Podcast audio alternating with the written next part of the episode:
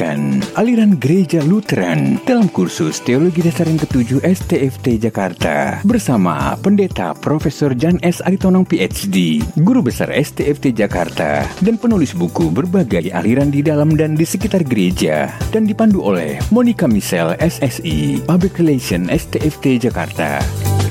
Simak selengkapnya dalam podcast edukasi series 8 dan 11 Februari 2023 pukul 19 waktu Indonesia Barat di YouTube channel Jan S. Aritonang Official.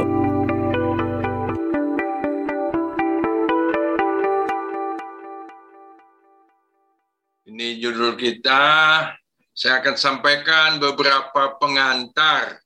Jadi karena Lutheran ini sekarang sudah menjadi sebuah aliran gereja, maka tentu adalah sejumlah gereja termasuk di Indonesia yang menganutnya. Tadi ada bapak kita atau teman kita dari HKI. Nah, HKI ini juga setahu saya juga menganut paham Lutheran. Jadi sebenarnya di dunia ini tentu lumayan banyak ya anggota gereja-gereja yang mengaku menganut paham atau aliran Lutheran. Di Indonesia juga ada sekian belas, bahkan mungkin sekian puluh. Tetapi di Indonesia ini hampir dapat dikatakan tidak ada gereja yang murni beraliran Lutheran. Nanti kita akan lihat di Indonesia sekarang kan ada lebih kurang 400 organisasi atau lembaga gereja yang mengaku beraliran Lutheran itu sekian belas atau sekian puluh dan banyak di antara mereka itu anggota Lutheran World Federation, terutama itu gereja-gereja yang ber asal atau berkantor sinode di Sumatera Utara. Dan mereka ini kebanyakan hasil penginjilan dari Rheinische Missionsgesellschaft RMG yang datang dari Jerman sejak 1860-an yang lalu, lebih dari 160 tahun yang lalu, dan menghasilkan sejumlah gereja, HKBP, GKPS, BNKP, dan seterusnya tetapi RMG itu tidak berasal dari gereja Lutheran, dia berasal dari gereja Lutheran dan Calvinis. Sehingga nanti kita akan bisa lihat juga di beberapa gereja yang mengaku atau menjadi anggota LWF itu ada juga pengaruh Calvinisme. Nah, jadi walaupun di Indonesia boleh dikatakan tidak ada gereja yang murni beraliran atau menganut ajaran Lutheran, tetapi di luar gereja-gereja yang menyebut diri Lutheran itu banyak juga gereja di Indonesia yang menghormati Martin Luther dan aliran Lutheran dihormati sebagai Bapak Reformasi Gereja. Lalu gereja-gereja itu walaupun tidak menyebut diri gereja Lutheran, menganut juga ajaran dan semboyan Lutheran di sana sini. Nanti kita akan lihat. Bahkan gereja Katolik Roma yang dulu sangat benci terhadap Martin Luther, menganggap dia itu pemberontak, tapi belakangan terutama sejak Konsili Vatikan II 1962 65 yang lalu semakin menghormati Martin Luther dan menerima sebagian ajarannya. Nanti kita akan lihat itu. Saya mau tanya dulu Pak Isliko, Bapak kan dari Gemit. Ya, saya Kalvinis. Coba Bapak ingat, tanggal berapa tanggal lahir Gemit? 31 Oktober. Nah, itu dia.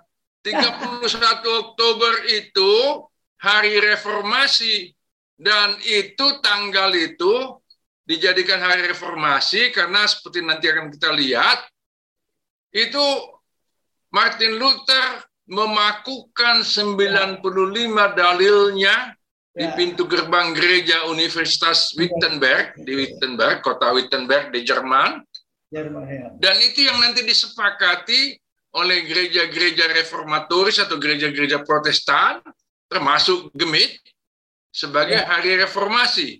Nah, Gemit tadi kan dibilang oleh Pak Isliko itu Calvinis ya. Tapi ternyata menggunakan tanggal 31 Oktobernya Martin Luther itu sebagai tanggal lahirnya. Nah, GPIB juga tanggal lahirnya 31 Oktober. Kalau Gemit 1947, GPIB 1948. Pokoknya hari reformasi itu tidak hanya diingat atau dikenang atau dirayakan oleh gereja-gereja yang menyebut diri Lutheran, tapi juga gereja-gereja lain.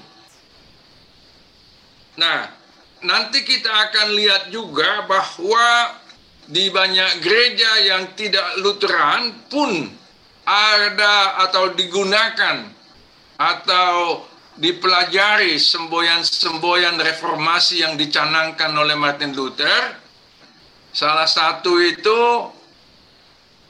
tidak saya tulis di sini, tetapi di makalah saya tulis ya, di alinea 2 halaman 1 itu, salah satu semboyan reformasi dari Martin Luther itu adalah Ecclesia Reformata Set Semper Reformanda. Artinya gereja yang dibarui uh, harus terus-menerus dibarui. Reformasi itu kan pembaruan gereja. Dengan demikian, gereja-gereja, apakah itu HKBP, Gemit, GPIB, tidak boleh puas berhenti pada apa yang sudah dia punya, melainkan juga harus terus membarui diri, tidak pernah berhenti. Nah, kita sekarang sampai ke pusat ajaran Lutheran. Gereja Katolik punya banyak ajaran. Lalu ketika Martin Luther mencanangkan reformasi, yang terutama dia canangkan sekaligus dia kritik terhadap gereja Katolik Roma adalah menyangkut ajaran. Dia pertama-tama memusatkan ajarannya pada firman atau firman Tuhan. Lalu nanti kita akan lihat pemahamannya atau ajarannya tentang sakramen, upacara-upacara yang dinyatakan suci, sebagai juga hal yang mendasar bagi Luther dan para pengikutnya. Dan sakramen ini nanti dia akan kita lihat hanya menyatakan ada dua, baptisan dan perjamuan kudus, dan itu adalah juga firman Tuhan yang diperagakan, yang ditandakan. Nah, bagi Luther, firman Tuhan semata-mata bersumber dari atau mengacu pada Alkitab. Inilah yang kemudian diungkapkan dengan istilah sola scriptura. Kenapa dia menekankan ini? Karena di gereja Katolik pada masa itu bahkan juga sampai sekarang bukan hanya Alkitab sumber ajaran atau yang berasal dari Tuhan. Ada yang disebut dengan tradisi. Tradisi itu bukan hanya kebiasaan, tapi juga tulisan-tulisan yang dihasilkan oleh bapak-bapak atau tokoh-tokoh gereja yang tidak termuat di dalam Alkitab dan itu berlangsung sampai hari ini tradisi itu dibangun oleh gereja Katolik. Nah, Martin Luther katakan tidak. Satu-satunya sumber firman Tuhan adalah Alkitab. Ajaran atau dokumen atau buku yang ada di luar Alkitab tentu kita hargai juga, tapi itu tidak sama nilainya dan isinya atau bobotnya dengan Alkitab. Lalu ini juga tadi sudah saya katakan, sakramen itu hanya ada dua, baptisan kudus dan perjamuan kudus. Dan ini adalah firman Tuhan yang kelihatan dan yang diperagakan.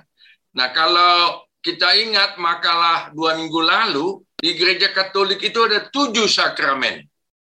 Tapi Luther katakan yang langsung dinyatakan di dalam Alkitab, yang diamanatkan oleh Tuhan Yesus sendiri adalah baptisan kudus dan perjamuan kudus. Tentang baptisan kudus kita mungkin ingat ya.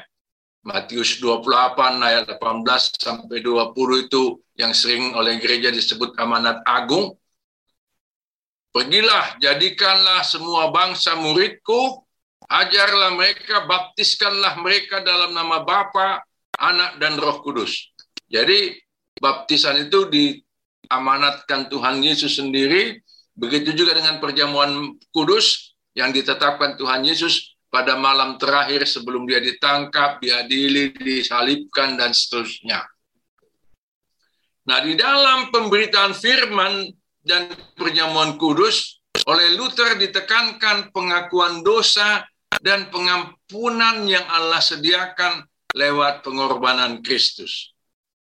Jadi,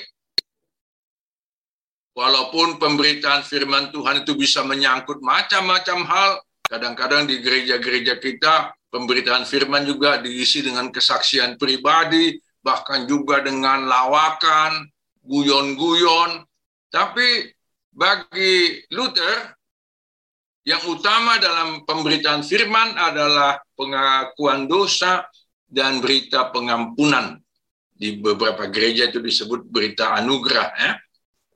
Nah, sejalan dengan itu, Luther katakan, dan itu nanti yang dituangkan oleh pengikut-pengikutnya dalam buku-buku ajaran Luther, Kebenaran dan keadilan atau kebaikan Allah bukanlah ganjaran yang setimpal atas perbuatan manusia, melainkan terletak pada pengampunan yang ia karuniakan pada orang berdosa sebesar apa pun dosanya. Inilah inti dari teologi krusis, teologi salib dari Luther. Ini dia tekankan karena di gereja Katolik pada waktu itu antara lain diajarkan bahwa kalau kita melakukan kebenaran atau kebaikan itu juga merupakan hasil perbuatan manusia. Lalu sejalan dengan itu kalaupun kita berdosa, kita bisa menebusnya entah lewat perbuatan baik kita ataupun lewat membayar biaya tertentu membeli apa yang waktu itu disebut surat indulgensi, surat penghapusan dosa.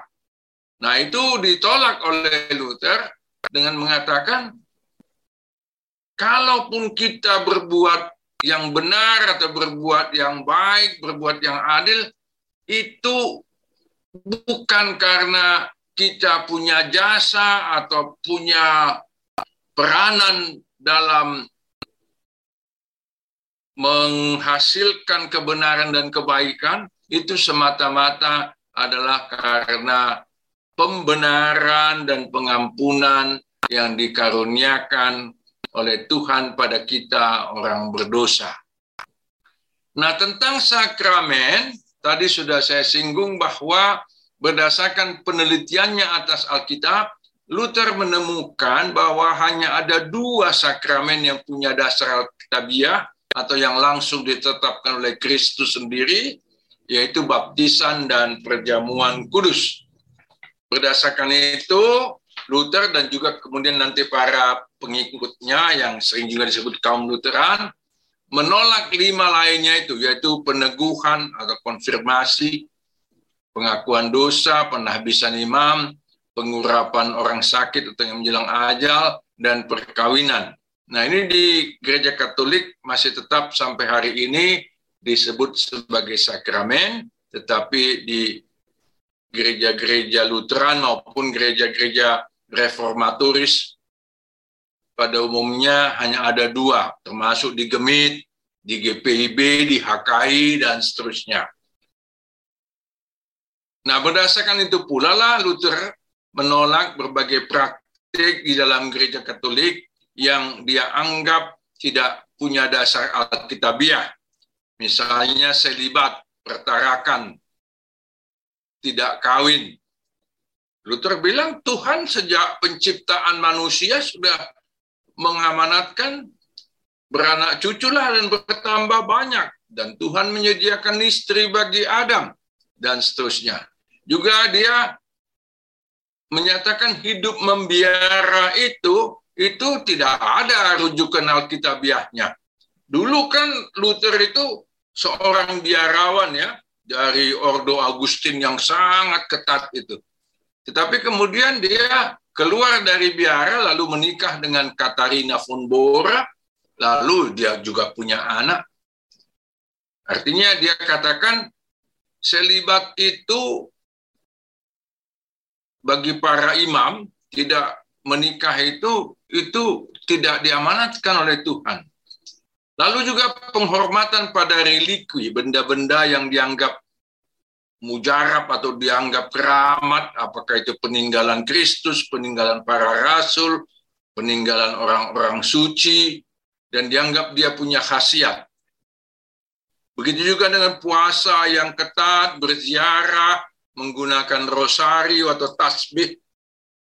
Kalau kita lihat sampai sekarang, kawan-kawan Katolik masih memelihara ini. Bahkan kita tahu di kalangan Katolik ada orang-orang atau tokoh-tokoh tertentu yang disebut santo. Kalau laki-laki, santa. Kalau perempuan, orang suci. Ini menurut Luther tidak ada ketentuannya di dalam Alkitab.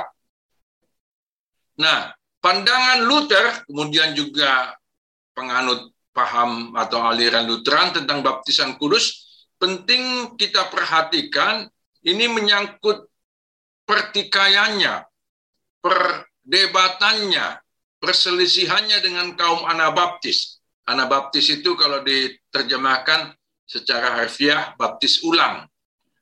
Menurut kaum Anabaptis, baptisan hanya boleh dilayankan bagi orang dewasa. Baptisan anak-anak itu tidak sah. Karena itu kalau ada orang Kristen dibaptis pada waktu bayi atau anak-anak, dia harus dibaptis ulang. Itulah artinya Anabaptis. Nah, Luther menolak pemahaman Anabaptis berdasarkan keyakinan bahwa janji Allah sebagaimana dimeteraikan melalui baptisan itu berlaku juga bagi anak-anak dalam keluarga Kristen. Kalau kita membaca kisah para rasul 2 39, adakah di antara kawan-kawan yang mau membaca kisah para rasul 2 ayat 39 ini? Ini bagian dari khotbah Rasul Petrus pada hari Pentakosta. Kisah Rasul pasal 2 ayat ya. 39. Kisah Rasul 2 ayat 39. Sebab bagi kamulah janji itu dan bagi anak-anakmu dan bagi orang yang masih jauh, yaitu sebanyak yang akan dipanggil oleh Tuhan Allah kita. Ya. Jadi artinya janji Tuhan tentang pengampunan dosa, kehidupan kekal, dan sebagainya, itu tidak hanya berlaku bagi orang dewasa, tapi juga bagi anak-anak, dan baptisan itu juga mengandung janji Tuhan itu. Maka itu Luther katakan, anak-anak juga mengambil bagian dalam janji Tuhan. Nah, Penolakan Luther atas pandangan kaum Anabaptis semakin tegas ketika ia melihat bahwa mereka itu tidak mengakui adanya sakramen. Mereka tidak sebut baptisan dan perjamuan kudus itu dengan istilah sakramen. Dan mereka juga memberontak terhadap raja-raja atau pemerintah. Kalau kita ingat, Martin Luther itu kan mencanangkan reformasinya dimulai tadi 31 Oktober ya 1517 Lalu banyak yang tergerak untuk mengikuti dia, antara lain kaum petani di Jerman, antara lain dipimpin oleh Thomas Munzer. Nah, kaum petani ini lalu melakukan pemberontakan terhadap negara pada waktu itu terhadap pemerintah dan mereka hendak menggulingkannya dengan alasan bahwa negara itu penindas Tapi Luther katakan, eh jangan sembarangan bertindak terhadap pemerintah atau negara. Sebab pemerintah itu dia mengacu kepada kitab atau surat Roma pasal 13 itu berasal dari Tuhan itu. Karena itu gereja harus tunduk pada kekuasaan negara, tentu negara yang menjalankan kekuasaannya dengan baik, dan harus menjalin hubungan baik dengannya. Nah ini juga kita lihat dalam kehidupan Martin Luther selama proses reformasi itu, bahkan juga kehidupan para pengikutnya yang juga menjalin hubungan baik dengan pemerintah. Nanti juga Calvin dan para pengikutnya, kaum Calvinis, juga melakukan hal yang sama. Walaupun di sana-sini ada uh, pemahaman atau penjelasan yang tidak persis sama. Ajaran Luther atau Lutheran tentang perjamuan kudus itu disebut konsubstansiasi. Kon itu artinya bersama-sama, berbarengan, substansi itu hakikat zat hakikat atau zat. Jadi kedua unsur perjamuan yaitu roti dan anggur mencakup kedua substansi sekaligus hakikat jasmani yaitu roti dan anggur. Tetaplah itu roti dan anggur tapi juga di dalamnya hadir hakikat rohani tubuh dan darah Kristus yang diterima peserta perjamuan kudus secara nyata. Nah, dengan ini Martin Luther mengatakan dia tidak setuju dengan ajaran Gereja Katolik Roma yang disebut transubstansiasi dan juga yang dia sebut itu sedikit berbeda dengan yang diajarkan oleh Calvin dan dianut oleh kaum Calvinis. Gereja Katolik Roma mengatakan ketika imam mengatakan inilah tubuhku, inilah darahku, langsung roti itu berubah jadi tubuh Kristus, anggur berubah menjadi darah Kristus, dia tidak lagi punya substansi atau hakikat jasmani. Dia sudah sepenuhnya hanya merupakan atau penampakan dari hakikat rohani. Luther bilang, yang kita makan itu ya roti, yang kita minum itu anggur kita tidak minum darah Kristus sepenuhnya. Jadi hadir dua-dua itu, yang jasmani maupun rohani. Nah nanti Calvin dan pengikutnya mengatakan, oh tidak persis seperti itu yang dinyatakan oleh Kristus dalam perjamuan kudus adalah kesatuan atau penyatuan dirinya dengan umat yang beriman kepadanya. Inilah antara lain nanti yang diungkapkan dengan istilah unium mystica. Nah, kita sampai sekarang pada jabatan dan tata gereja. Nah, kalau kita lihat di gereja kita masing-masing itu kan ada macam-macam jabatan ya. Dan lazimnya itu ada jabatan tahbisan, jabatan gereja yang di embankan kepada orang-orang tertentu lewat penahbisan, penumpangan tangan, ada jabatan yang bukan tahbisan, jabatan yang misalnya ditetapkan berdasarkan pemilihan. Saya nggak tahu di gereja kita masing-masing apakah misalnya ketua sinode itu dipilih lewat pemilihan, pengumpulan atau pemungutan suara, voting. Kalau di HKI, tadi kawan kita dari HKI itu Bapak Pak Herlan. Ya. Di HKI itu kan belakangan ini pakai tidak pakai voting ya, pakai undian. Karena katanya ya. itu Manjalo, Manjalo. Ya itu katanya itu lebih alkitabiah. Jadi ya. bukan di vote tapi uh, diundi. Nah, di gereja-gereja Lutheran ada macam-macam jabatan gereja, tapi menurut Luther mengacu kepada amanat Alkitab yang penting atau yang harus ada di dalam gereja adalah pejabat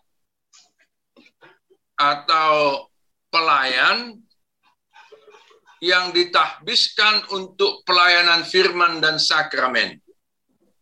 Dan menurut dia, itulah yang dijalankan oleh pendeta. Tentu bisa ada jabatan-jabatan lain, tetapi itu tidak mutlak. Jabatan penatua itu tentu penting, itu tugasnya macam-macam, dan di beberapa gereja Lutheran itu ditahbiskan lewat penumpangan tangan, tapi di banyak gereja itu tidak ditahbiskan kalau jadi penatua di GKI misalnya itu dilantik saja, dikukuhkan.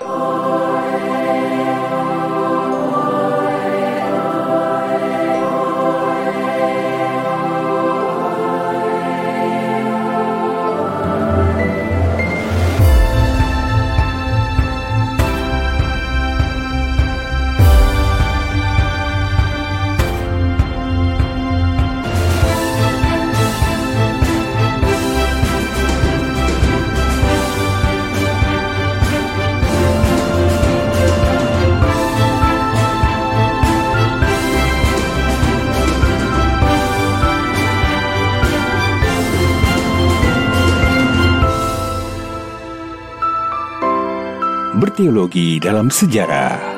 Masa lalu memanusiakan masa depan yang purna kala.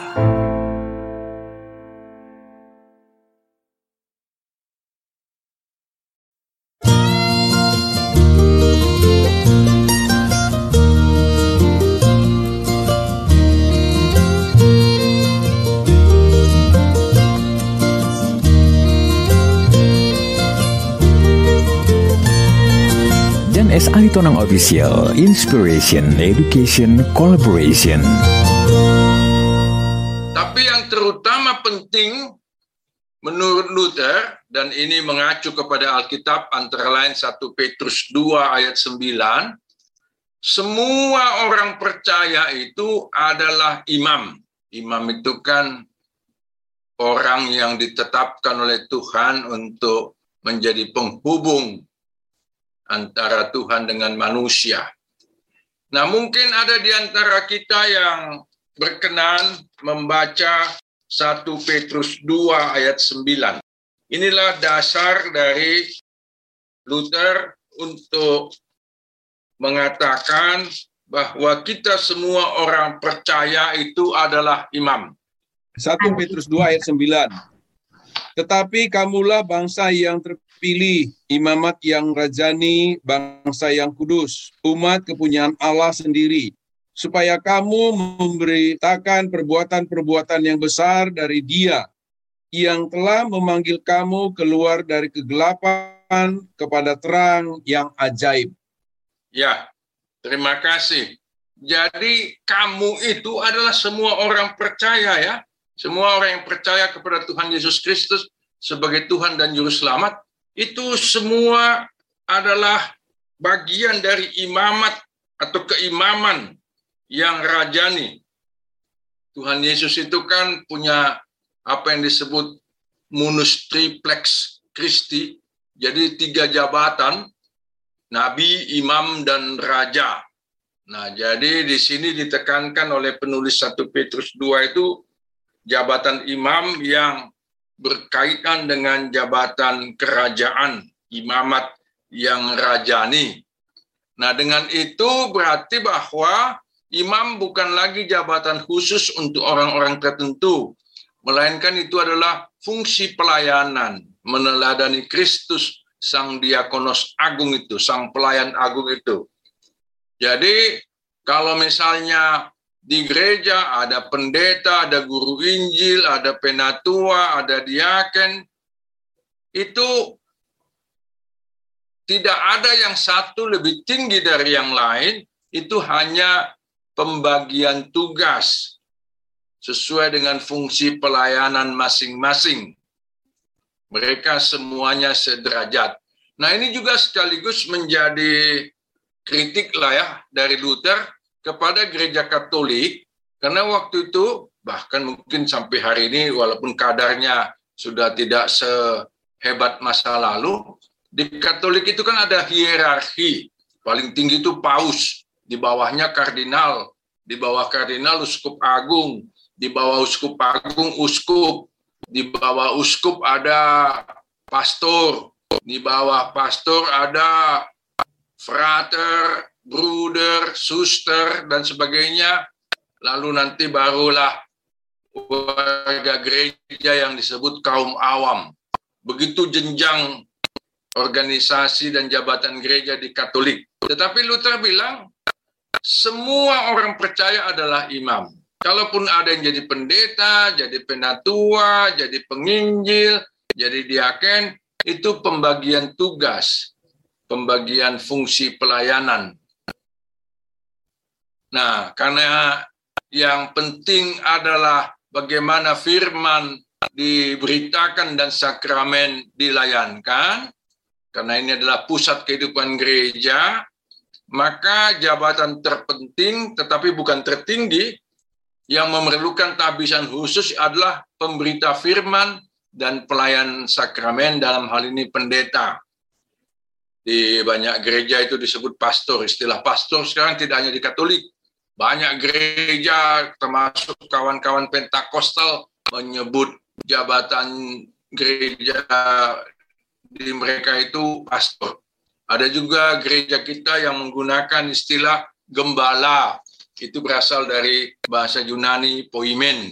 Nah, pendeta di setiap ibadah ketika dia memberitakan firman dia sekaligus memberitakan pengampunan dosa.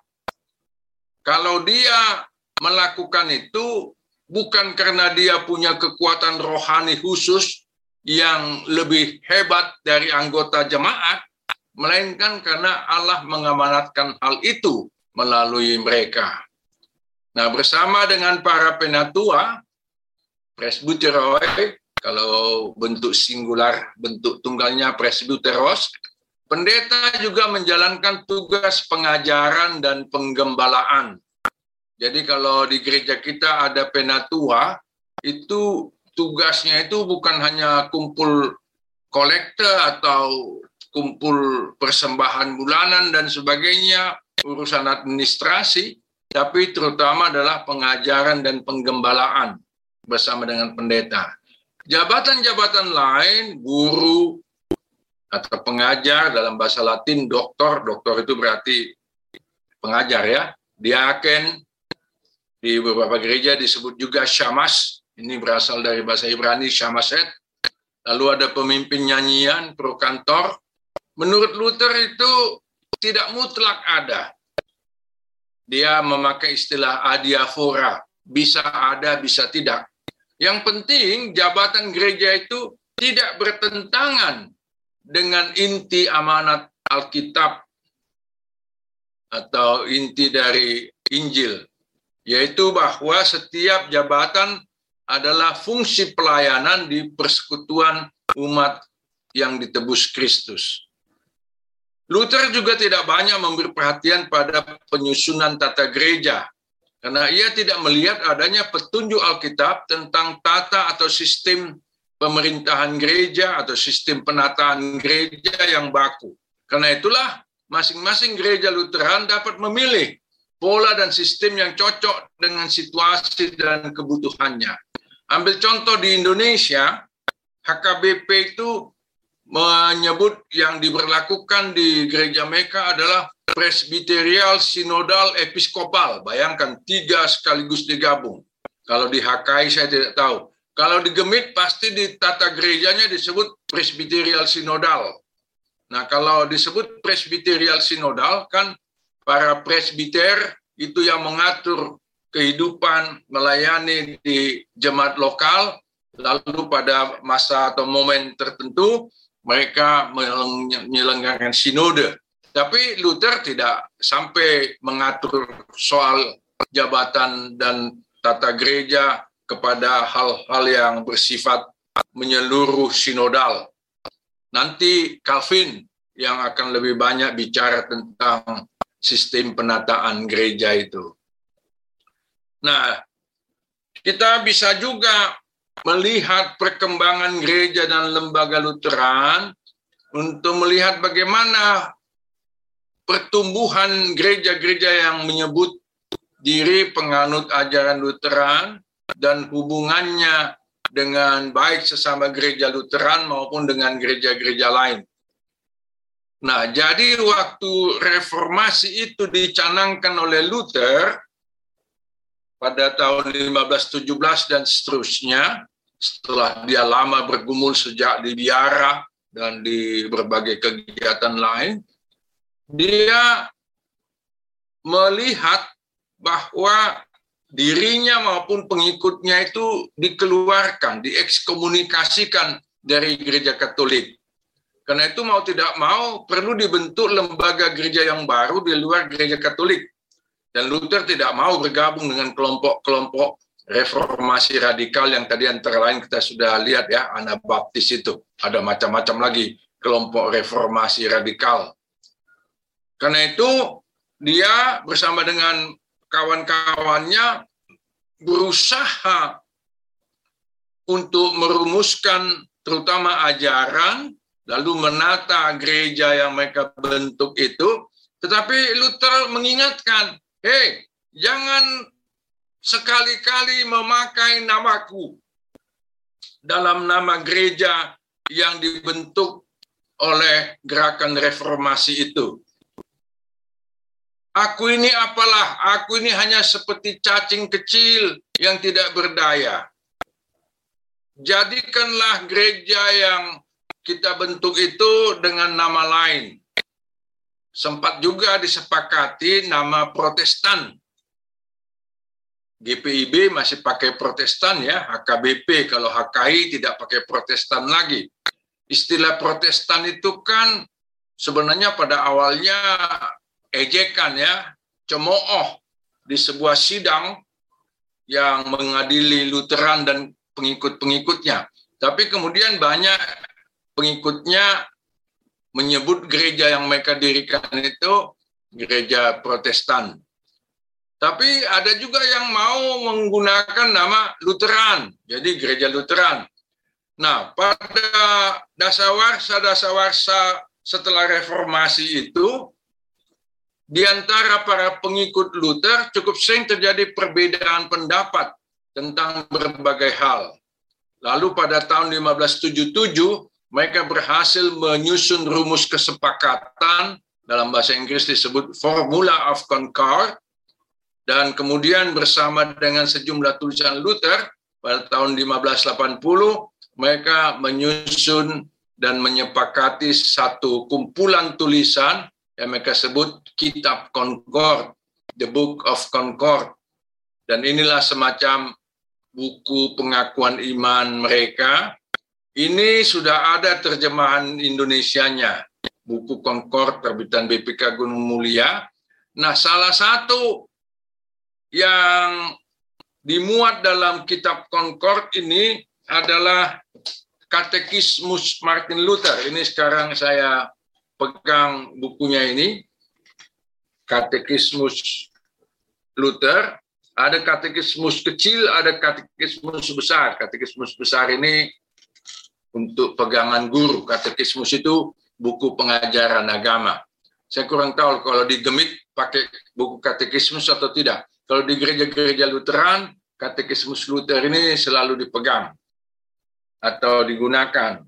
Lalu isinya kitab atau buku Concord itu juga adalah konfesi Augusburg, pengakuan iman Augusburg.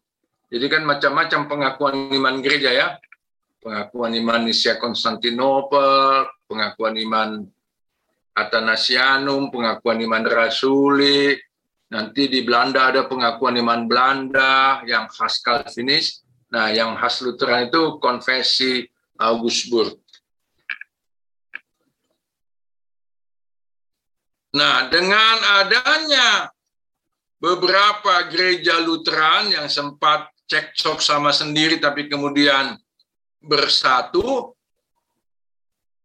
maka di situlah muncul apa yang kita sebut dengan nama aliran Lutheran Jadi aliran itu berpumpun atau berpegang pada ajaran Luther yang tadi kita sudah lihat sebagian, tetapi membagi diri dalam banyak gereja ya.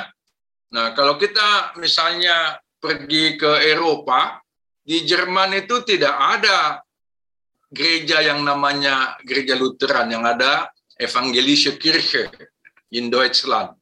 Jadi Evangelische itu kalau di Jerman berarti Protestan.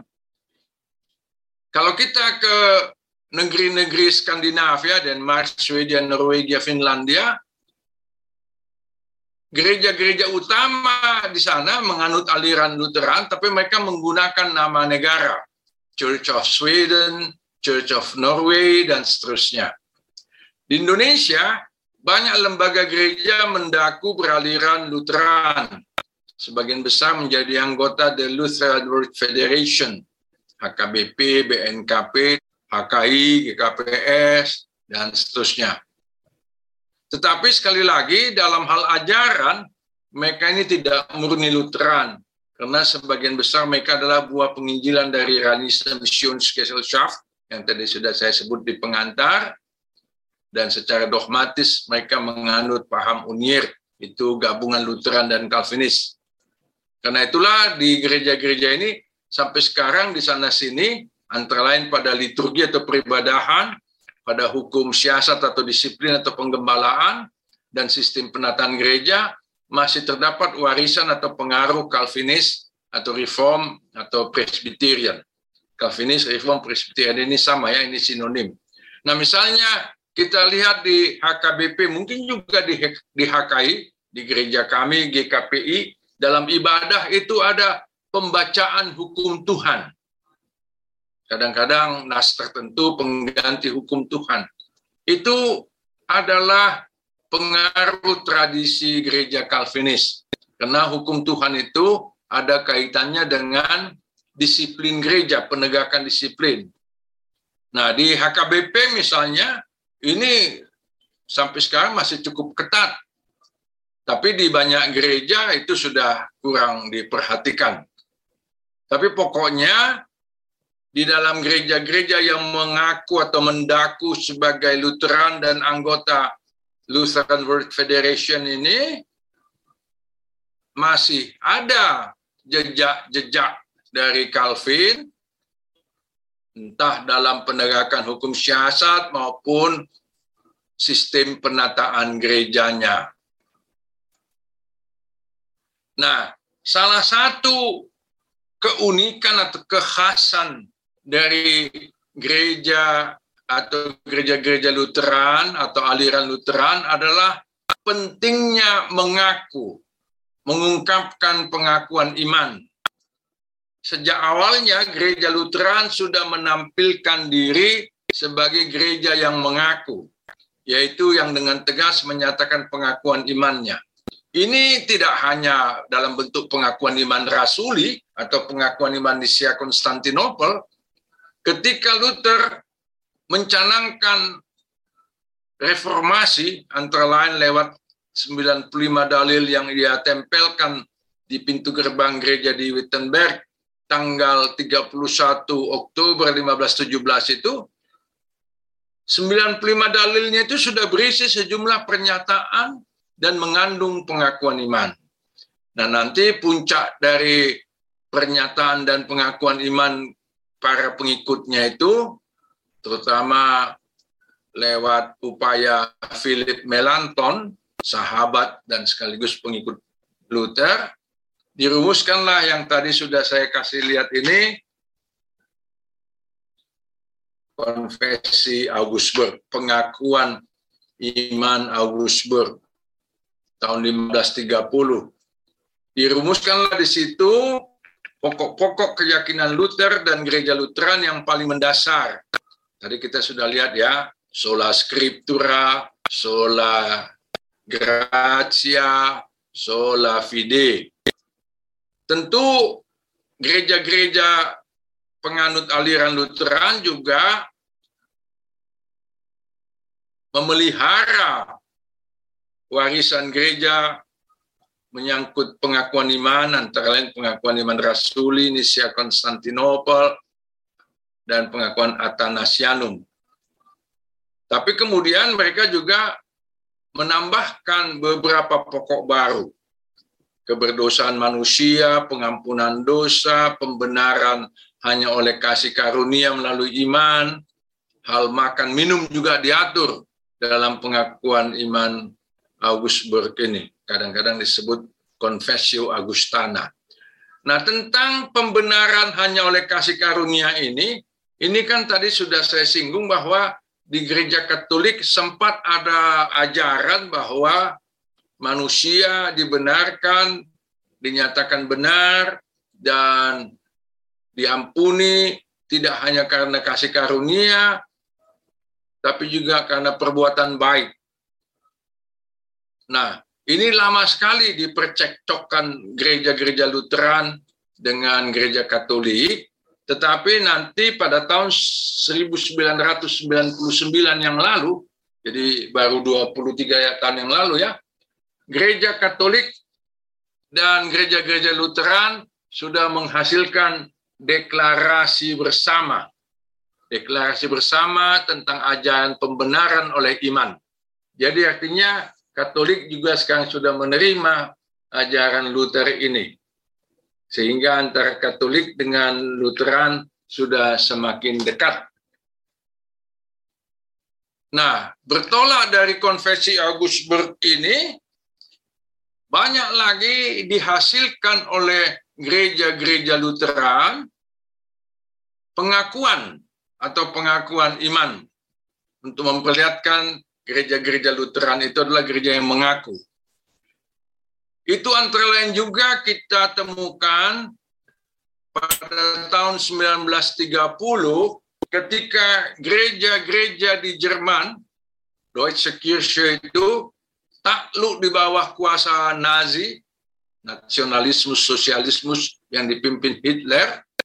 Lalu mereka yang setia pada asas reformasi Lutheran maupun Calvinis membentuk die Bekennende Kirche, gereja yang mengaku di luar Deutsche Kirche dan mereka merumuskan sejumlah pernyataan dan pengakuan iman yang dikenal dengan nama dalil-dalil Barmen, Barmer Thesen. Nah, kemudian ketika Lutheran World Federation dibentuk tahun 1947, itu berarti setelah Perang Dunia Kedua ya, setelah masa kekuasaannya Hitler tadi itu, salah satu syarat bagi suatu gereja untuk menjadi anggotanya adalah menyatakan penerimaan atas konfesi Augsburg tadi. Nah, HKBP waktu itu melamar jadi anggota LWF. Tapi HKBP misalnya mengatakan kami tidak bisa menerima konfesi Augsburg itu secara mentah-mentah atau bulat-bulat karena konteks penyusunan konvensi Augsburg itu tidak relevan bagi HKBP. Itu kan pada masa itu ada pergolakan politik di antara penguasa-penguasa Jerman. HKBP tidak lahir dari pergolakan politik seperti itu. Lalu HKBP menyusun konvensinya sendiri pada tahun 1951 dan isinya banyak menggemakan isi konversi Augsburg dan berdasarkan itu dia diterima menjadi anggota LWF. Nanti HKBP merumuskan lagi konversinya yang kedua tahun 1996.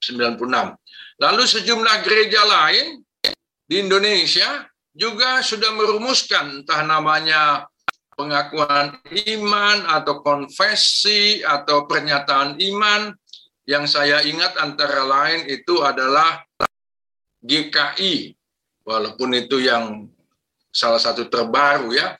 GKI baru saja merumuskan konvensinya tahun 2014.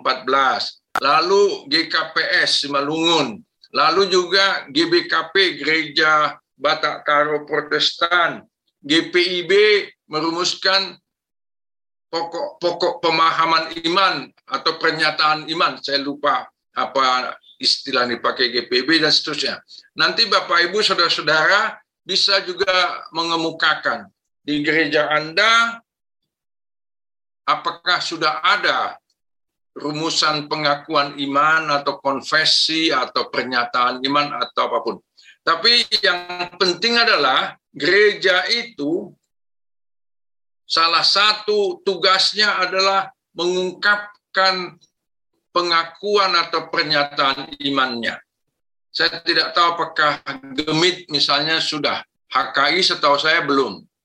Tapi nanti bisalah kawan-kawan mengemukakan itu apa yang sudah dilakukan oleh gerejanya.